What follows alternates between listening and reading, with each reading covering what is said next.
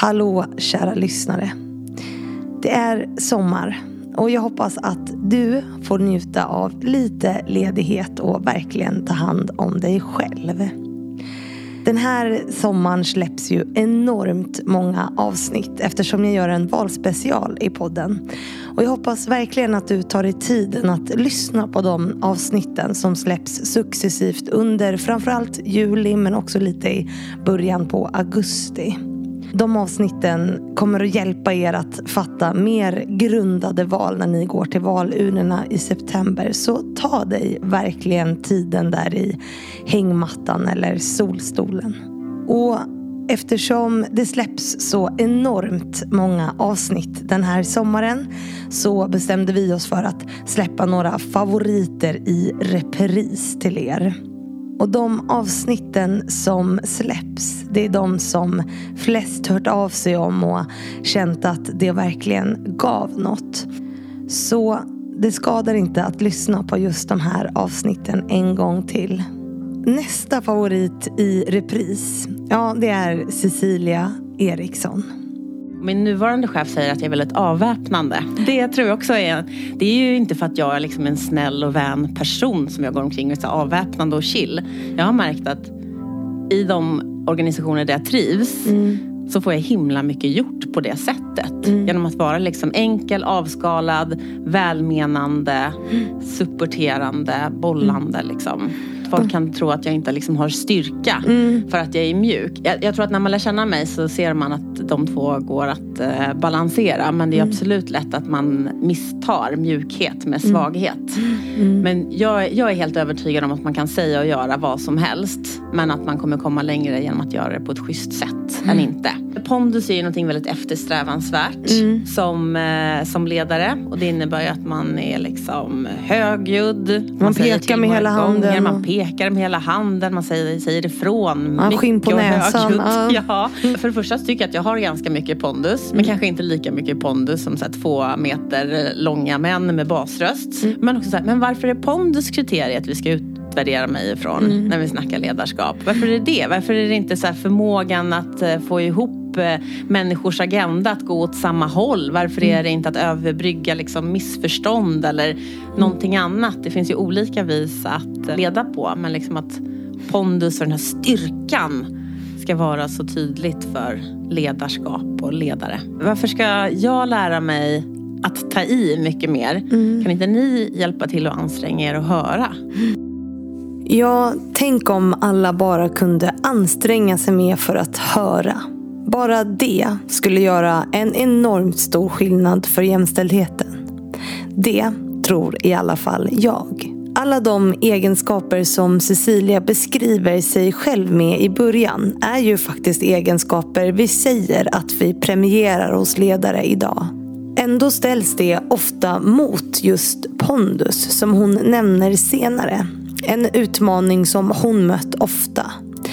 Och ett moment 22 som är känt för att sätta hinder för kvinnor i karriären.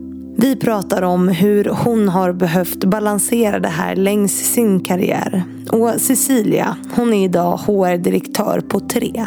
Men har i många år jobbat inom just HR i olika organisationer. Förutom att vi pratar om hennes resa så är det här också ett samtal om hur vi får organisationer att avsätta pengar till jämställdhet. Och även att få HR att bli en affärskritisk funktion. Hur gör man egentligen det? Och varför är det så enormt viktigt? Innan vi drar igång avsnittet vill jag såklart fortsatt tacka Excitec som sponsrar podden och gör det möjligt för mig att fortsätta producera den. Så tusen tack för det, Excitec. Men nu, kära lyssnare, rätta till lurarna, luta dig tillbaka eller ta en härlig promenad. För här kommer en timme med Cecilia Eriksson.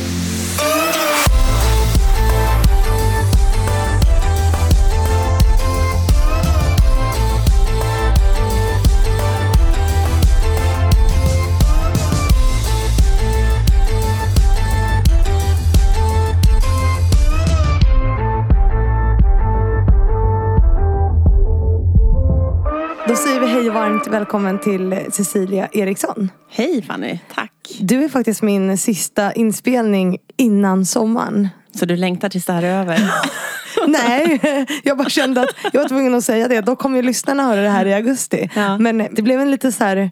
Det sjönk in hos mig att det här var min sista innan Mm. semestern. På kontoret i alla fall. Härligt. Ja, Vad ska du göra i sommar?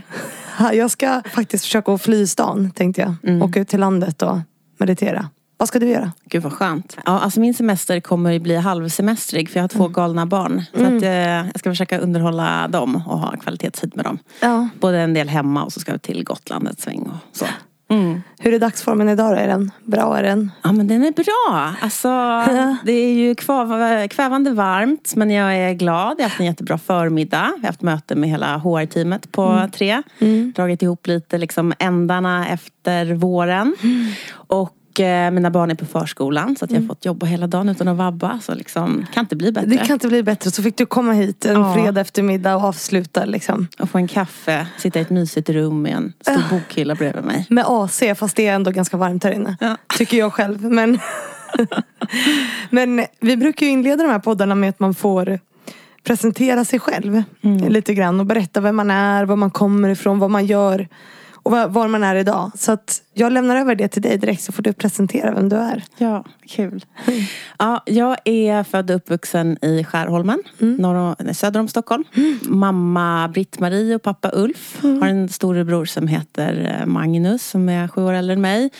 Som har gått på KTH och har jobbat inom telekom i tusen år men nu är han på bank och han har familj. Och sen så har jag en lilla syster som heter Camilla, tre år yngre än mig. Hon eh, har forskat inom vårdvetenskap och eh, undervisar och forskar nu inom det. Jättekul. Och hon har en jättegullig liten son. Ja. Vad gör man då? Ja, hon läste folkhälsa och sen så doktorerade hon inom vårdvetenskap. Och hennes ämne är kommunikationshjälpmedel för personer med enklare liksom, kogni kognitiva handikapp. Okej, ja. Så hon har varit och gjort massa djupintervjuer och analyser på gruppboenden till exempel för att försöka hitta sätt att öka liksom, friheten och självständigheten hos personer som har stora förmågor men ändå behöver stöd. Mm. Häftigt. Ja, jättekul. Det är ju jättecoolt. Ja. Ja. Och det var syster. Och du då? Ja, och jag då? Jag, jag är då mellanbarnet. Ja. mellanbarnet. Ja, är det på, Och, har det påverkat dig att vara mellanbarn? Ja men, eh, ja men man vet ju inte riktigt det här med Nej. hur man påverkas av syskonordningen. Men eh, jag tror nog det. När man pratar om klassiska mellanbarn som liksom vänliga och diplomatiska och känselspröt och varken bortdaltade eller alltför kaxiga. Liksom. Ja men jag känner nog igen mig i det. Absolut. Fick, man liksom, fick du liksom hävda det lite mer eller? Nej? Mamma och pappa har alltid varit väldigt eh, rättvisa. De har varit millimeterrättvisa med allting från liksom godispåsar till julklappar och allt. Det har aldrig varit liksom någon konkurrens mellan oss syskon om mammas och pappas uppmärksamhet. Nej. Men däremot så har vi nog varit ganska stökiga mot varandra. Ja, det har varit en tydlig hackordning. Inte längre, men kanske. Inte längre, Nej, nu är tack och vuxna. lov. Nu är vi vuxna och vi skärpt oss. Ja, precis. Nu är vi mer kompisar än varandras mobbare. Ja. Ja. ja, men så är jag uppvuxen i Skärholmen. Och sen när det var dags för gymnasiet så kände jag, gud vad stökigt det är här i Skärholmen. Jag är ju en plugghäst som vill lära mig grejer. Så att, eh, då sökte jag till ett gymnasium inne i stan. Så då gick jag på Norra Real. Och då gick jag natur och så kom jag på för bubblan. Matte, kemi och fysik. Det här var inte alls min grej. Natur är ju alltså, det är ju, ja. Det var, ju, Svårt. det var jättesvårt. Jag Ja. hade liksom inte den fallenheten och det var inte där jag gick igång. Liksom. Jag gick igång när jag fick läsa psykologi och samhälle och älskade språk. Och liksom, så. Ja. så genom uteslutningsmetoden då så kom jag fram till att eh, jag vill jobba med människor på något vis tror jag. Mm. Och började plugga i Örebro på en utbildning som heter tenvetenskap och samhälls... Efter gymnasiet då Någonting. eller? Ja, efter gymnasiet. Samhälls och någonting sånt. Någon Ja. högskola. Ja, och så plockade jag ihop en personalvetarexamen på, Ja. på den utbildningen. Okej, och då blev det människor. Det blev människor. Vad var det som lockade tror du med det?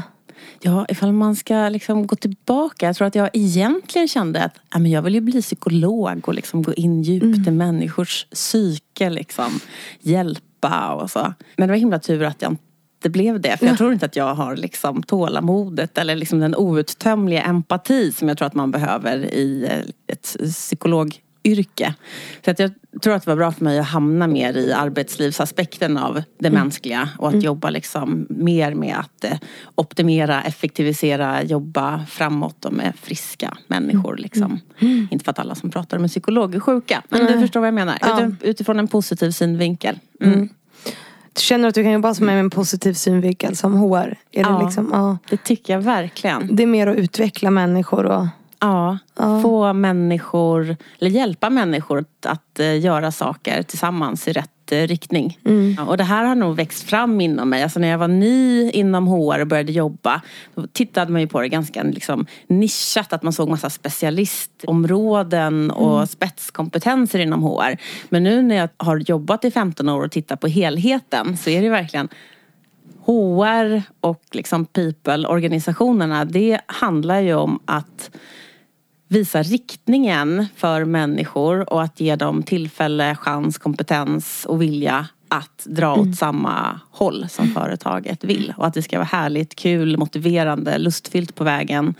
Att man känner sig sedd, respekterad, trygg. Mm. Att man har en bra chef som peppar, leder, vill en mm. väl. Eh, och att man får lära sig någonting nytt som leder en framåt oavsett vad ens liksom livsmål eller karriärmål är. Att man mm. känner att man kommer närmare det. Det är det som är HR för dig liksom? Det är HR för mig. Mm. Mm. Men när du hade gått den här samhällsbeteende, någonting sånt, i Örebro och blivit personalvetare. Ja. Vad gjorde du då? Alltså när du gick, för då flyttade du hem till Stockholm igen antar jag? Eller? Ja, jag mm. flyttade hem till Stockholm igen tiden i Örebro kändes som en jättelång charterresa. Det var jättekul, jättehärligt. Men jag visste så här, jag ska hem igen. Ja. ja. Det var mycket festande och mycket, eller vadå? Nej, det var bara ja, nya människor. Och... Ja, men det var väl mycket festande och nya människor. Men också så här, lustfyllt och roligt. Och det kändes som ett äventyr och en parentes i historien. Ja, men precis. Det så. var som en liten del av ditt liv som bara, nu lever jag här och nu. Och sen ja. så, ja. Kul. Det var liksom så här, här är det här kapitlet. Men jag vet att det här kapitlet kommer komma till sitt slut. Mm. Och att jag börjar på något annat. Mm. Ja förlåt, det blev ett sidospår men fortsätt ja. vad du gjorde sen. Det var jag som tyckte det var så kul uttryck. Ja, verkligen ingen fara. Sen så när jag blev färdig så hade jag en bekant som jobbade på ett IT-rekryteringsbolag. Mm. Och de letade efter en researcher. Mm. Alltså en tålmodig människa som sitter i olika nätverk och hittar personer till mm. olika rekryteringsprocesser. Inom IT-branschen då ja. Mm. Och i IT-branschen. Eh, rekryterade mycket till olika liksom eh, IT och telekomroller. Satt ute i Kista där i tech-meckat. Mm. Där satt jag också ett tag. Det var ju jättetråkigt. Men jag tyckte inte det var så häftigt. men du jobbade på det här IT-researcher då? Ja, Som precis. researcher på ett IT-rekryteringsbolag? Prick så. Ja, prick så var det. Prick så. Ja. Och efter ett tag där då kände jag att jag vill göra mer. Jag vill liksom ha hand om hela rekryteringsprocesser. Och då mm. kom jag i kontakt med Academic Work. Det här mm. stora bemanningsbolaget som riktar sig mot unga mm. och eh, studenter. Mm. Och så var jag där i fyra år typ. Hade mitt första riktiga chefsjobb. Mm. Eh, var konsultchef så jag liksom rekryterade och var ansvarig för konsulter. Men var också sista året chef för några interna konsultchefer. Mm. Efter det började jag på PWC, det här stora revisionsbolaget som managementkonsult. Ah, Okej, okay. ja. managementkonsult, det är ju speciellt. Hur ah. hamnade du på det? Alltså, då är det managementkonsult inom typ ledarskap och HR eller? Nej, det är det som är så intressant. Jag ah. undrar hur hamnade jag där? Hur kunde jag bli rekommenderad dit? Ja. det här var liksom ett, äh, ett riktigt managementkonsultteam som gick in och jobbade med olika äh, bolagsförvärv och äh, värderingar och transformationsprojekt och så vidare. Så tanken var att jag skulle jobba med de här stora transformationsprojekten. Mm. Var väl inne på några sådana men var mer i liksom små duttuppdrag och med handen på hjärtat, jag var ingen bra på det där. Jag, var liksom, men jag kan... lärde mig supermycket men jag var inte så duktig. Men kan inte det också vara en bra erfarenhet som, som HR då som ofta klassas som vi ska prata mer om det, men som ett yrke som är lite mjukt och lite lullilull. Att liksom ja. ha det jag tycker inte det men jag tror att många tänker så ja. generellt. Att det blir ett lullilull-yrke. Att ha den erfarenheten av det affärsmässiga för att kunna knyta an på något sätt. Verkligen. Alltså jag tror att HR-personer som har haft en kommersiell bakgrund. Mm. Jag har ju det både från Academic Work, att jag jobbade mycket med sälj och kundkontakt. Men också då på PWC när man fick vara inne liksom i olika uppdrag och, och se det från det perspektivet. Mm. Så man har jättestor fördel i organisatorisk förståelse, hur man liksom säljer och förankrar, hur alltså, man klart. tittar på verksamhet, hur man pratar med höga chefer och eh, vad som är chefernas liksom, stora problem i vardagen. För mm. när man mm. är på en HR-avdelning, då är HR hela ens värld och verklighet. Mm. Men för en linjechef är det ju här en jätteviktig del i ens hela verksamhetsansvar. Mm. Så jag tror att det bygger en, en liksom ödmjukhet inför att det finns andra saker också i chefernas världar. Ja men precis. Mm. Men då var du där på PVC och, och du, men du var inte särskilt bra på det eller? Nej. hur insåg du det? Det var inte heller särskilt kul då antar jag? Nej. Alltså, Nej, jag, jag hade inte men kompetens inte för att vara där. Nej, det var inte så kul. Jag var inte så bra och det liksom kändes i hela magen. Ja. Och det tror jag också är grymt bra för en mm. HR att ha den erfarenheten. För att man klassas ju ofta som någon så här high eller low potential. Att man mm. liksom är bra eller dålig eller så mm. Men där kände jag så här, gud det är så här det känns att vara på fel plats. Ja, jag vet ju att jag är bra. Att mm. jag är liksom rimligt smart, jag är så driftig, ambitiös, företagsam. Och här vet jag inte vad jag ska ta mig för. Den här miljön gör att jag inte liksom kommer till min rätt. Någonting är liksom galet här. Har du funderat på, var, var det arbetsuppgifterna eller vad var det i miljön eller något i kulturen som liksom gjorde att det inte passade dig? Men jag tror dels att, jag var inne i något projekt när det var så att du ska utvärdera det här, det var en försäkringsaktör, deras mm. projektmodell. Mm. och jag bara, aha gick hem och googlade, så här, vad är en vad projektmodell? Är en projektmodell? Ja. Och hur ska jag utvärdera den och vad jag ska ställa den ja. emot? Ja. Så att liksom dels det och dels att jag inte upplevde att det fanns liksom så närvarande stöd i de ändå liksom, frågorna som jag mötte där i min mm. vardag. Men också att jag är en väldigt enkel lite så tramsig mm. person. Mm. Konsultbranschen och partnerägda organisationer är hierarkiska. Mm. Och jag kände också så att jag hade svårt att navigera i det där. Jag är lite mer så här hö, hö, hö, armbågen mm. i sidan och liksom ta mig fram på informella sätt. Men jag kunde liksom inte riktigt läsa de strukturerna eller förstå hur jag skulle nå fram där. Mm. Du var en helt annan typ av ja. person, eller liksom så. Ja. Hur, hur tar du dig fram på informella sätt då? För du gjorde lite hu, hu nu med armbågarna. ja. Så er som inte tittar, du gjorde inte en dans men lite såhär, ja, du ja. använde kroppen ganska mycket. Och, men hur, hur gör du för att ta dig fram på informella sätt? Vad är? Ja, men jag, jag snackar nog bara med folk som att de vore helt vanligt folk. Ser till att så här, ringa och bara, jag tänker på det här. Och tänker du om det? Det är någonting att bygga vidare på. Mm. Jag tar mig inte själv på så stort allvar. Liksom nu, vi ska ju prata lite om jämställdhet och sånt mm. idag. Men vi, när jag skulle förankra våra nya jämställdhetsmål på tre fick jag mm. massa invändningar och sånt. Och jag mm. bara, hörni. Om jag inte hade jobbat med sälj så skulle jag bli lite liksom ledsen nu. Mm. Men det här ser jag som köpsignaler. Jag bara, ni vill ju. Mm. Vi behöver bara tweaka liksom detaljerna i det här utefter era frågor. Mm. Och det blir också så här helt avväpnande. Så bara, mm. Hon vill höra vad vi har att säga. Här kan vi bara Ja men precis, bolla lite. och bolla lite. Mm. Och min nuvarande chef säger att jag är väldigt avväpnande. Ja. ja. Och det tror jag också är, det är ju inte för att jag är liksom en snäll och vän person som jag går omkring och är avväpnande och chill. Jag har märkt att i de organisationer där jag trivs mm så får jag himla mycket gjort på det sättet. Mm. Genom att vara liksom enkel, avskalad, välmenande, mm. supporterande, bollande. Mm. Jag tycker det är ett jätteeffektivt sätt att få saker gjorda på. Vara en enkel person att jobba med som folk vill jobba med. Men gör det att folk också sätter sig på dig? Eller har det hänt att folk sätter sig? Det är bara en följdfråga som jag får. Den är mycket relevant. Ja men det är klart att det har hänt. Ja. Eller alltså, jag, jag tycker inte att det är negativt ja. men du vet Alltså att när man är så så kan det ju lätt bli att, att nu säger jag så, nu sätter jag mm. dig i ett fack. Men... Nej men jag förstår verkligen vad du menar. Att ja. folk kan tro att jag inte liksom har styrka mm. för att jag är mjuk. Men jag tror att man inte ska... Jag, jag, tror att när man lär känna mig så ser man att de två går att eh, balansera. Men det är mm. absolut lätt att man misstar mjukhet med mm. svaghet.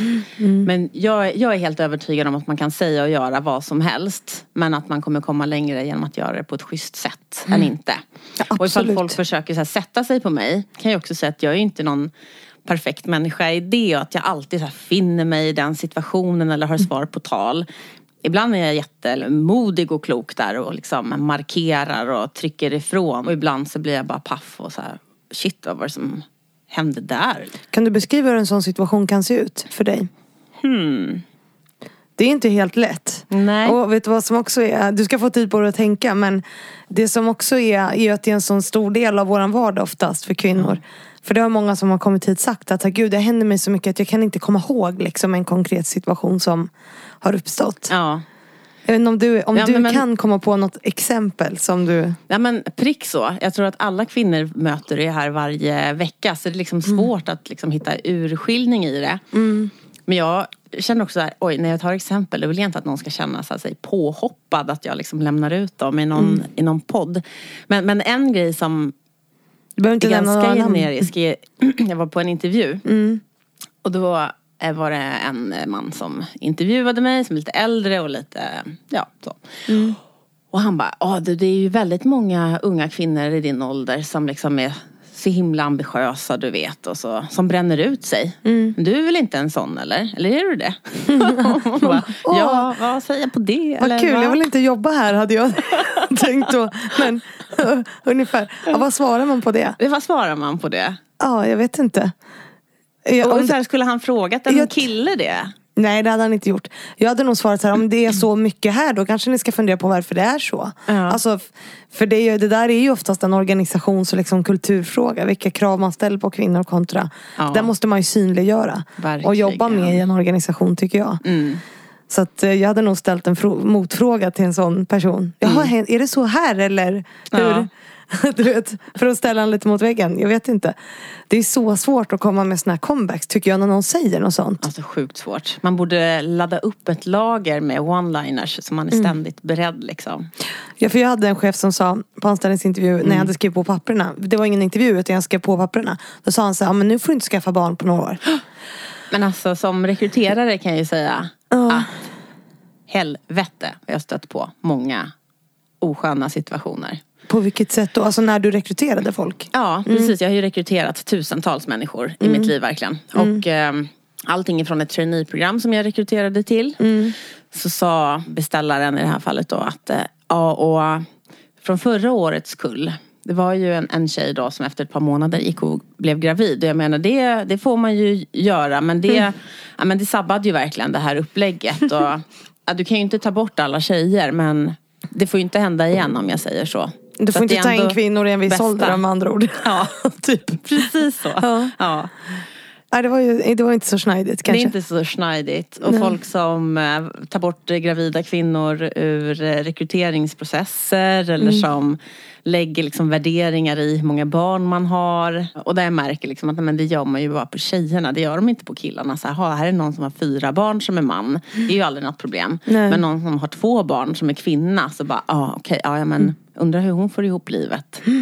Och det här är ju någonting superprovocerande tycker jag. Att vi har en sån naturlig nackdel i att det är vi som föder barnen. Och det är det som har gjort att vi är de som är hemma, som hamnar efter på alla sätt. Och det är därför arbetslivet och alla normer har formats utifrån manlig, manligheten. Eh, Och du frågade ifall jag hade blivit eh, liksom utsatt för saker. Och någonting som också hänger kvar i mig är det här med pondus. Ja. Jag har fått så mycket knasig feedback kring pondus. Ah, Okej, mm. Ja. berätta. Att eh, pondus är ju någonting väldigt eftersträvansvärt Mm. som, eh, som ledare. Och det innebär ju att man är högljudd. Man, pekar säger till med hela gånger, handen Man pekar med hela handen. Man säger, säger ifrån. Man skinn på näsan, högljutt. ja. Mm. Ja. Och eh, för det första så tycker jag att jag har ganska mycket pondus. Mm. Men kanske inte lika mycket pondus som så här, två meter långa män med basröst. Mm. Men också så här, men varför är pondus kriteriet vi ska utvärdera mig ifrån Mm. när vi snackar ledarskap? Varför är det det? Varför är det inte så här förmågan att eh, få ihop eh, människors agenda att gå åt samma håll? Varför Mm. är det inte att överbrygga liksom missförstånd eller någonting annat? Det finns ju olika vis att leda på. Men liksom att pondus och den här styrkan ska vara så tydligt för ledarskap och ledare. Ja, pondus kommer väl ifrån den här manligt kodade normen av, av ledarskap. För det där skriver jag ju om i min bok. Alltså det finns ju, nu kan inte jag uttala det här ordet, auktoritarism, alltså någonting sånt där som jag skriver om.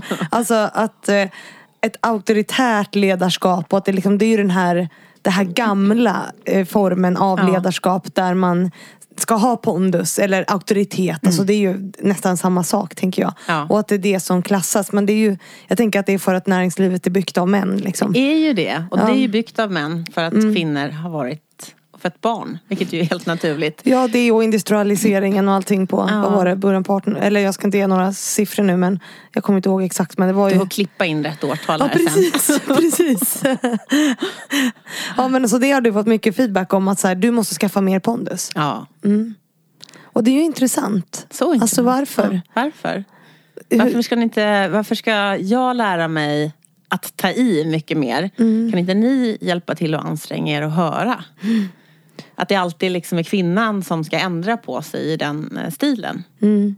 Hur tänker du själv där kring feedback? Alltså när du då ger feedback till folk runt omkring dig. Alltså ifall det är gällande liksom st- styrka eller liksom Mm. den egenskapen där jag vill ge feedback till någon. Försöker jag uttrycka det snarare som så jag vill ha mer av dig. Jag Mm. ser, jag hör, du är så jävla klok och smart och jag älskar det du säger. Jag vill bara ha mer. Mm. Se till att vi får använda liksom allt som försiggår i ditt huvud. Kliv Mm. fram, hjälp till liksom. Behöver din hjälp för hela det här teamet. Mm. Jag tror jag försöker uttrycka det mycket mer att jag liksom ser grejer som jag liksom gillar och vill ha mer av. Men Men också att hjälpa dem att kliva fram i stunden. Märker man att någon som är tyst på ett möte, man säger så här, men du, vad, vad tänker du nu? Och se till, hjälpa alla att komma fram och känna sig välkomna in och att de är viktiga för helheten.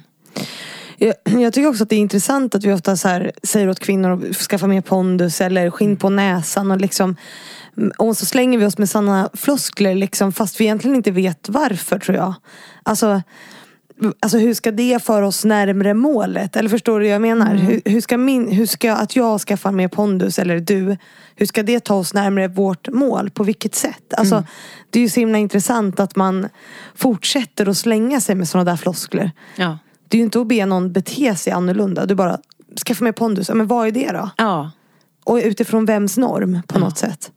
Och vem ska bedöma det? Precis. Och varför ska jag göra det, hela den ändringen? Om jag ändå är här liksom, och, och säger någonting. Alltså, jag kan ju förstå ifall människor är helt tysta. Liksom, Så kan man säga vad du tycker. Men att hjälpas åt i den situationen. Så här, ifall du säger vad du tycker så lovar jag att höra dig. Att du inte ska behöva liksom, buffla fram dig eller liksom, ändra dig totalt. Utan det du säger lovar jag att lyssna på. Och det är en himla mycket skönare vändning på det. Samtidigt så träffade jag ju, det pratade vi om innan, men var det förra helgen då som jag träffade en tjej som jobbar hos dig. Och hon bara sa, hon är så jävla cool. Och jag tror att hon liksom också, på något sätt fick jag känslan av att hon tyckte att du hade pondus. Hon bara kommer in och liksom bara, hon är så jävla cool. Men det kanske är vad jag knyter själv i i vad, vad cool är. Förstår Ja. du vad jag Ja, menar? vilja det kanske är mina, mina stereotyper som lever fram där. Ja, Ja, vi får fråga henne efteråt. Men ja, himla gulligt av henne, cool. Det är inte många som säger att jag är cool. Så jag blir väldigt smickrad. Ja, jag nej, men alltså, hon var verkligen ja. helt tagen av dig. Och, men det kanske, och nu blir, nu blir jag nästan lite rörd av mig själv fast det inte ens var jag som sa jag något. Så, så jag som inte sa något. Men alltså att hon var verkligen så, ja men verkligen eh, tagen av dig liksom. Mm. Men, och, men det kanske är mer att du är väldigt inkluderande och liksom som du säger, du, använde ett ord. Jag översatte det till likeable men liksom att du är du sa Ja, vad någonting. sa jag för någonting? Ja, jag vet inte, det, spe- Ja. det spelar inte så stor roll. Men ändå cool. Mm. Men det är också fördomar, vad har jag för fördomar av vad det är att vara cool? Är det någon som har pondus? Så där måste jag ju rannsaka mig själv också. Ja. Tänker jag. Ja, Jag undrar vad hon menar. Men jag tror att jag framstår som...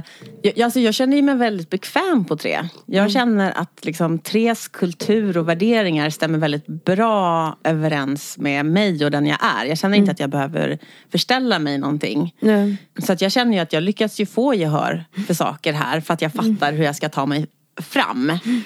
Så att sen jag började på tre så har vi ju gjort väldigt många liksom, roliga grejer. Och jag tror att HR-teamet känner att så här, men gud, vi håller liksom på att kliva ur någon liksom, puppa här och vi Ja, är men på en precis. resa. Så att vi har eh, gjort en vision för liksom vilken arbetsplats är det vi vill skapa. Vad är det för fokusområden vi behöver ta oss an kommande år för att närma oss den här visionen. Hur ska vi göra det med organisationen? Jo, vi ska eh, ge organisationen affärsvärde och prioritera det där det skaver mest. Vi ska jobba i partnerskap med våra chefer och se till att de är med på tåget. Vi ska förenkla, vi ska göra det lätt att göra rätt och inte liksom vara byråkratiska och sy grejer för oss själva. Liksom. Och sen det här med liksom jämställdhet som vi har jobbat in nu och fått in strategihuset tillsammans med affärsmålen. Jag tror liksom ändå att vi är på en ehm, En intressant resa. Ja, det känns som att vi är, är på något och att det händer mycket hos något. Och det är ju inte liksom tack vare mig. Jag tror att jag har varit där att liksom facilitera och eh, f- skapa möjlighet för folk att säga vad de tycker. Men det är ju liksom organisation, det är HR-gänget liksom som har tagit fram det här. Och de, liksom, de närmaste cheferna till mig och deras team. Och sen så har jag liksom snarare uppmuntrat och tagit fram och skapat eh, arenor för det. Men det är inte jag som står där bakom som avsändare. Nej. Och nu kommer vi in på vad du gör idag för jag kände Mm. det att vi, så här, vi gick ifrån att plugga en liten samhälls någonting sånt här till att bli managementkonsult och sen kom vi in på ett helt annat spår. Men det, det är ju så här ofta det är i min podd. Mm. Att vi liksom kommer in på sidospår och så är det mitt jobb att ta oss tillbaka. För du, vi behöver ju egentligen nämna att du har varit inom IT-branschen, att du har varit på Ja. Tobii i nästan nio år. Ja. Jag vill bara nämna det så man får din resa lite klar för Ja. sig här. Och där var du också liksom global HR-direktör, eller hur? Ja, sista åren var jag det. Ja. Ehm, men började på Tobii som eh, HR-generalist. Mm. Och sen så ändrades den organisationen, så blev jag HR business partner och sen ändrades den organisationen och så blev jag global HR-chef. Mm. Så jag har ju Tobii att tacka för jättemycket av min karriärutveckling och att jag har fått göra roliga, balla grejer. Mm. Otroligt fint företag. Jätteglad för många år där. Och sen så började du på tre. Och det är där du är idag. Nu drar vi över resan lite fort här. Så, Det är bra att du håller mig i schack här. ja, nej. Det är så ovant för en HR-person att snacka om sig själv så jag liksom spårar här när jag får tillfället. Ja, ja, det, nej, men det är jättebra. Jag gillar ju det. Jag leder ju samtalet här åt lite olika håll. Eh, men nu är du på tre och jag tycker Du sa en intressant sak förut som jag, för ni är ju IT-branschen, det är också en mansdominerad bransch. Som ja, många andra, men liksom, vi vet att IT-branschen har stora utmaningar. Och så har du kommit in dels i Corona, liksom mitt under Corona. Men, för du började maj 2020 va? Men sen så säger du att ni har börjat med en, en jämställdhetssatsning.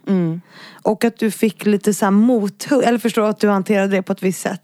Men kan inte du bara utveckla lite, så här, vad var det för typ av mothugg och vad hände? Eller, Det är intressant att höra, tycker Ja. jag. Jättebra.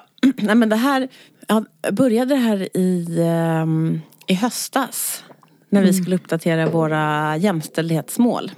Och jag måste säga att Tre har ju lyckats ganska bra med tanke på att man har haft liksom ganska begränsade resurser som har jobbat med jämställdhet och, och mångfald. Jag är superimponerad. Man har gjort så mycket grejer rätt och man har en kultur som verkligen uppmuntrar det. Men det har inte funnits någon långsiktig plan. Man har liksom satt årsmål hela tiden. Okej, men nu är vi 34 procent. Sen ska det bli 37 procent kvinnor och det är vårt mål. Och sen så går året ut och så förlänger man och liksom edgar upp lite. Men det har inte varit så här, okej men när ska det vara 50-50 då? Nej. Vad är våra delmål och liksom stolpar dit? Vad gör vi för större liksom, tag på verksamheten för att faktiskt komma dit? Så det satte vi igång med eh, förra hösten.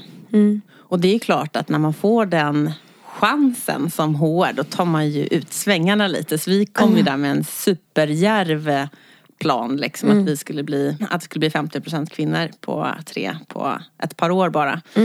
Men då kommer ju de här liksom, mothuggen från eh, resten av ledningsgruppen och bara, men har, har ni räknat på det här liksom? Man måste vara personalomsättning för att lyckas med det här. Måste varenda en vi anställer utifrån det här sen vara kvinnor och vad innebär det? Och Ja, vi verkligen så här, tog ner det på jorden och bröt ner det sen i eh, verksamheten och gick i ärlighetens namn också tillbaka och bara okej, men vad innebär det här då? Är det rimligt och realistiskt?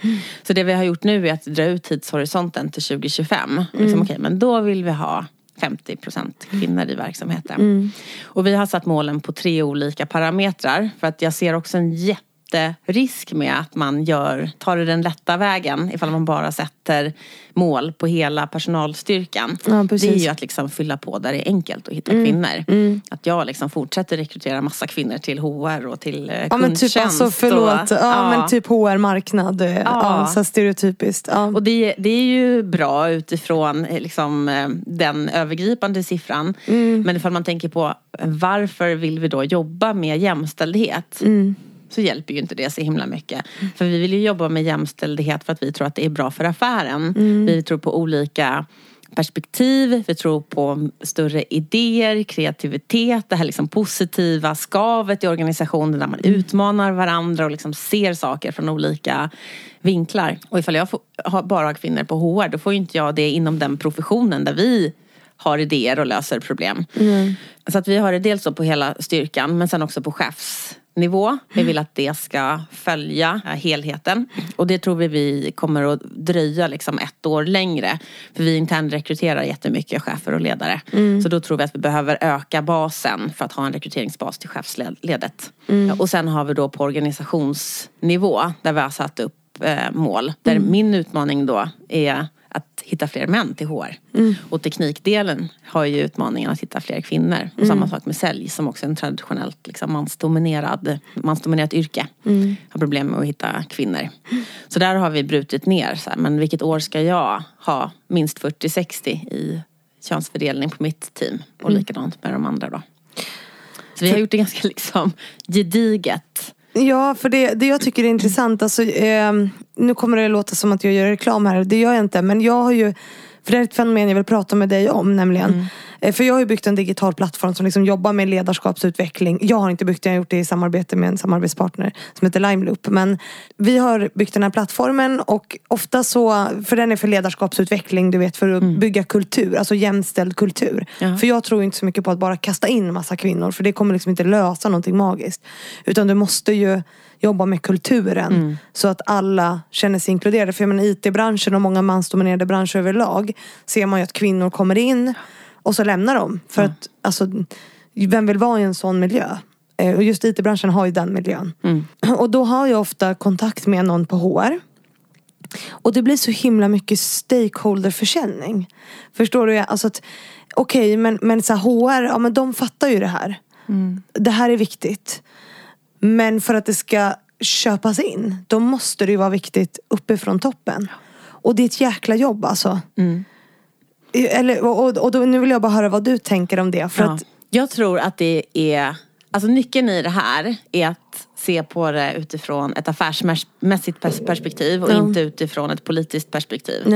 Liksom, företagsledare kan ha politiska åsikter men det är inte därför de går till jobbet, det är inte det de får betalt för, det är inte det de blir utvärderade på. Nej. Företagsledare måste förstå varför är det här bra för min business och verkligen internalisera det och, och gnugga in det. Och det, det var ju jättemycket diskussioner i vår ledningsgrupp kring det här. Kring så här men, är det här realistiskt? Är det värt det? Vad, hur står det här i relation till mina andra affärsmål?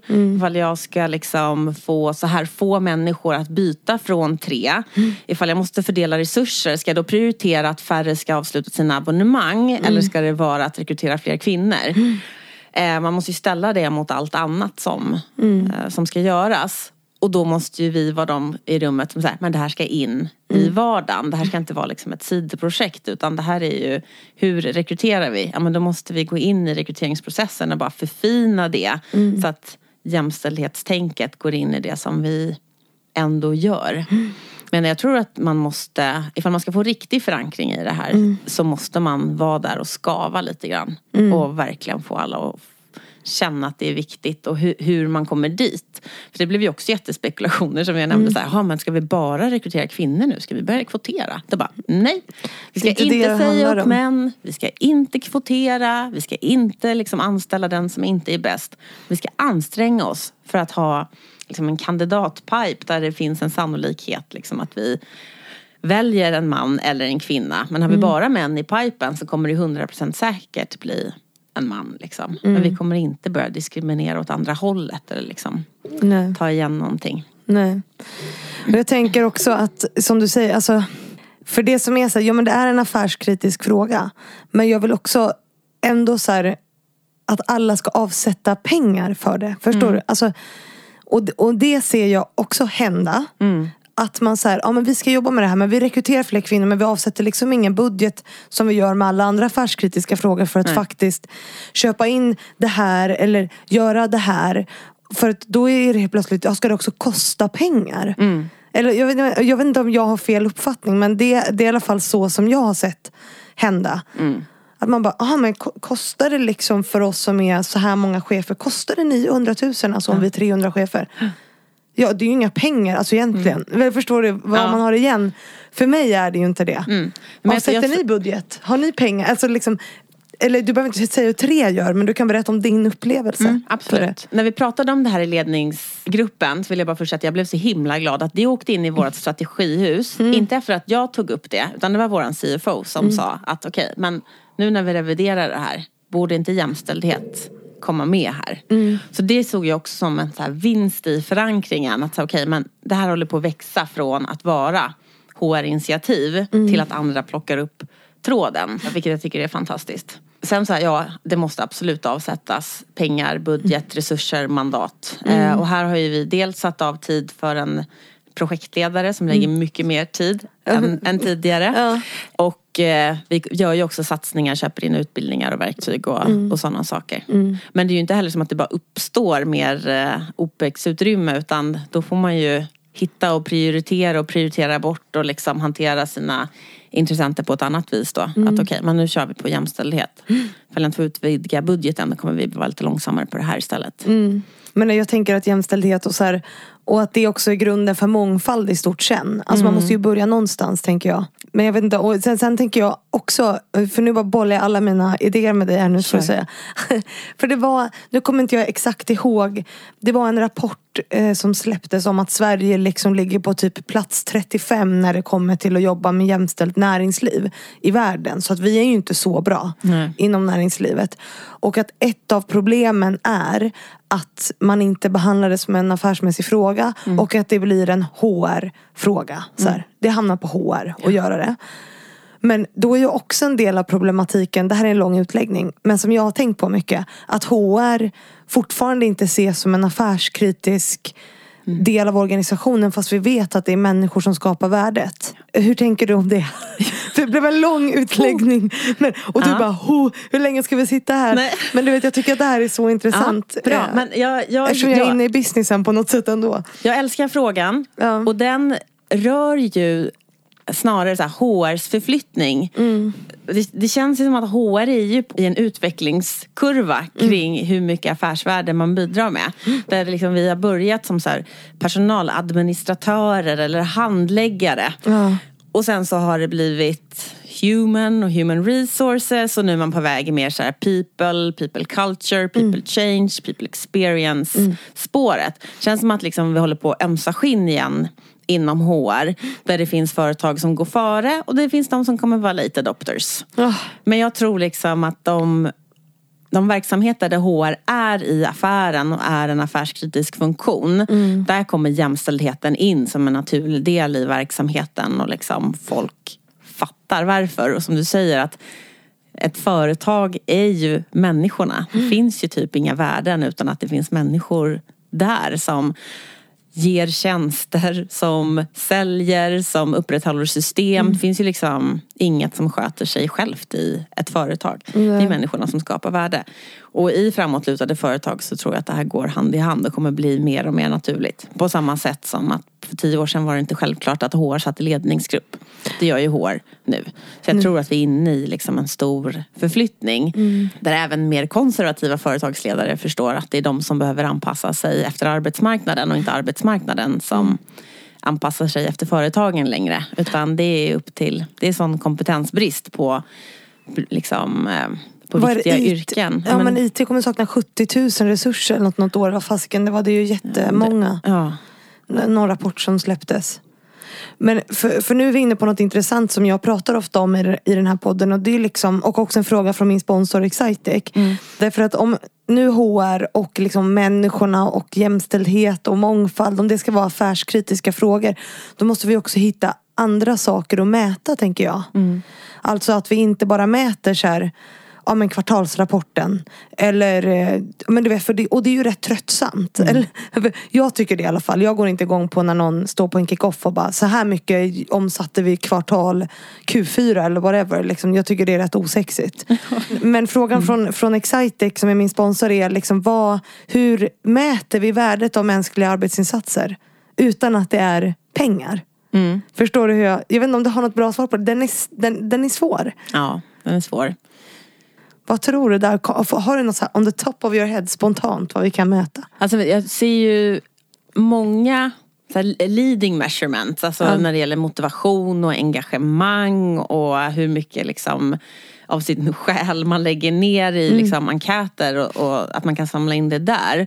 Men när man tittar sen i laggande mått, så, vad tänker man då liksom ifall det inte är liksom bolagsvärde eller ök, liksom, Det är jättesvårt. ökade volymer eller Jag tänker på... Jag tänker på, för att väcka tanken, eh, Magdalena Gerger var ju här från Systembolaget. Och det är ju alla bara, fast det går inte att jämföra sig med dem för de har ett helt annat uppdrag, det är en helt annan organisation. Man bara, ja fast för mig är det ju ett mind shift bara. Att du, det är klart vi måste mäta pengarna, alltså det fattar man ju. Det, Ja. alltså, det är det som kommer betala människornas löner. Men det är också människorna som kommer öka intäkterna. Och de mäter ju inte pengar, de får ju inte göra det. De får ju inte så här, vi måste omsätta mer. Nej. Utan de vill ju ha en kontrollerad nivå hela tiden. De blev ju typ oroliga När när, corona ja. Mm. kom och alla började köpa vin. Liksom. Och de har ju en modell där de mäter människor, alltså hur, efter, efter någon typ av modell faktabaserad så har de utvecklat en modell där man mäter varför människor går till jobbet. Mm. Alltså går vi till jobbet för att bara få våran lön? Uppfyller vi de här basbehoven som finns? Mm. Alltså att, och, och att man kan mäta det på något sånt sätt. Jag vet inte. Mm. Alltså går människor hit för ett högre syfte eller bara för att tjäna pengar? Ja, ja Alltså, men det är bra. Ja. men sen hur gör man det på ett bra sätt? Nu besvarade jag Excitex fråga åt dig men jag vet inte vad man kan titta på. Ja. Nej men ifall man tänker så. Mm. Så skulle mitt svar säga att det är att fråga människor. Alltså Mm. behandla anställda som vuxna människor som kan hitta sina egna svar och stå för det de tycker, tänker, känner. Mm. Och ett effektivt sätt att göra det, det är ju någon typ av liksom pulsmätningar. Mm. Och så vidare. Man frågar om engagemang och motivation. Vad trivs man med? Vad trivs man inte med? Vad borde man jobba med? Varför går man till jobbet? Vad är det som får en att lägga i en extra växel? Och i slutändan så kommer det synas i resultatet. Jag tror att det är Richard Branson som har sagt eh, Take care of your people and they will take care of your customers. Ja, det var visst var det, var det han som sa det? Nej, ja det var han som sa det i någon podd, Framgångspodden tror jag det var. Det var någon som sa det att så här, vi säger ju alltid att människor kommer först.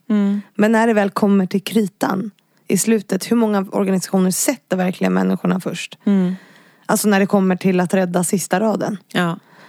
Och det, och för mig är det ett mindshift. Mm. Men det kanske inte är så enkelt. Att alla bara ändrar hur de tänker. Bara gör det nu. Eller hur? Nej, det beror väl på också utifrån vilket perspektiv man tittar på det. Ibland, för att vara liksom en, en krass HR-person. Ja. Ibland kanske det är så att bolag behöver sätta inte människorna först utan att lägga varsel, att minska arbetsstyrkan för att kunna bibehålla en konkurrensfördel eller en lämplig liksom, kostnadskostym för att kunna fortsätta existera. Och ett bolags existens är ju sjukt mycket värt om man tittar på de behållna arbetstillfällena. Att det betalas in eh, skatt till statskassan och, och så vidare. Så att liksom det finns ju så otroligt stora komplexa krafter i det. Men jag tycker ifall man krymper ner frågan till så här det direkta ledarskapet eller hur man satsar på personal, utbildning, utveckling, vad man odlar för företagskultur och så vidare. Där behöver ju människorna komma först. För bra människor har alternativ. Jag blir ofta provocerad av när man säger att människorna är bolagets viktigaste resurs. Jag blir så här, men fast de är inte en resurs, det är ingenting vi har. Nej. Vi har inte den här resursen. En dator kan vi köpa och ha. Men en, liksom, en medarbetare, det är ju ett partnerskap. Där vi varje dag väljer att satsa på den och den varje dag väljer att fortsätta vara kvar hos oss. Den kan ju säga imorgon med liksom en månads varsel att nej men jag vill inte vara här längre. Vi har ingen. Nej. Vi måste hela tiden se till att de vill vara här. Det är ju vårt ansvar. Vi kan ju inte äga människor liksom. Nej, Det går ju inte. de är inte livegna. Vi måste anstränga oss för att de ska vilja vara här. Mm. För bra människor har alternativ. Och vi har ju varit inne lite på det som är liksom nästa del av det här. Och vi har ju pratat om rekrytering en del. Men ni, vad jag förstår så har ni på tre liksom gjort en rekryteringsansats som är ganska Alltså ni har ganska starka ramar på något sätt. Att alla ska ha samma chans på lika villkor och så vidare. V- Hur har ni då utformat den rekryteringsprocessen? Alltså vad är det som gör den stram? Ja. Eller förstår du vad jag menar? Ja, jag förstår precis vad du menar. Nej, men vi har en ganska kaxig ambition i det här. Vi vill ha Sveriges schysstaste rekrytering. Vi är absolut inte där, men vi har påbörjat den liksom, eh, processen. Där basen i en bra rekryteringsprocess är att man har en bra kravprofil. Att man vet vad man letar efter och att man vet hur man ska värdera kandidater och liksom väga olika kompetenser olika mycket. Det man vill komma bort ifrån är ju magkänslan. Det finns ju sjukt många jätteerfarna rekryterare och chefer som skryter med att de har en så bra intuition, att de liksom kan läsa människor, jag litar alltid på magkänslan.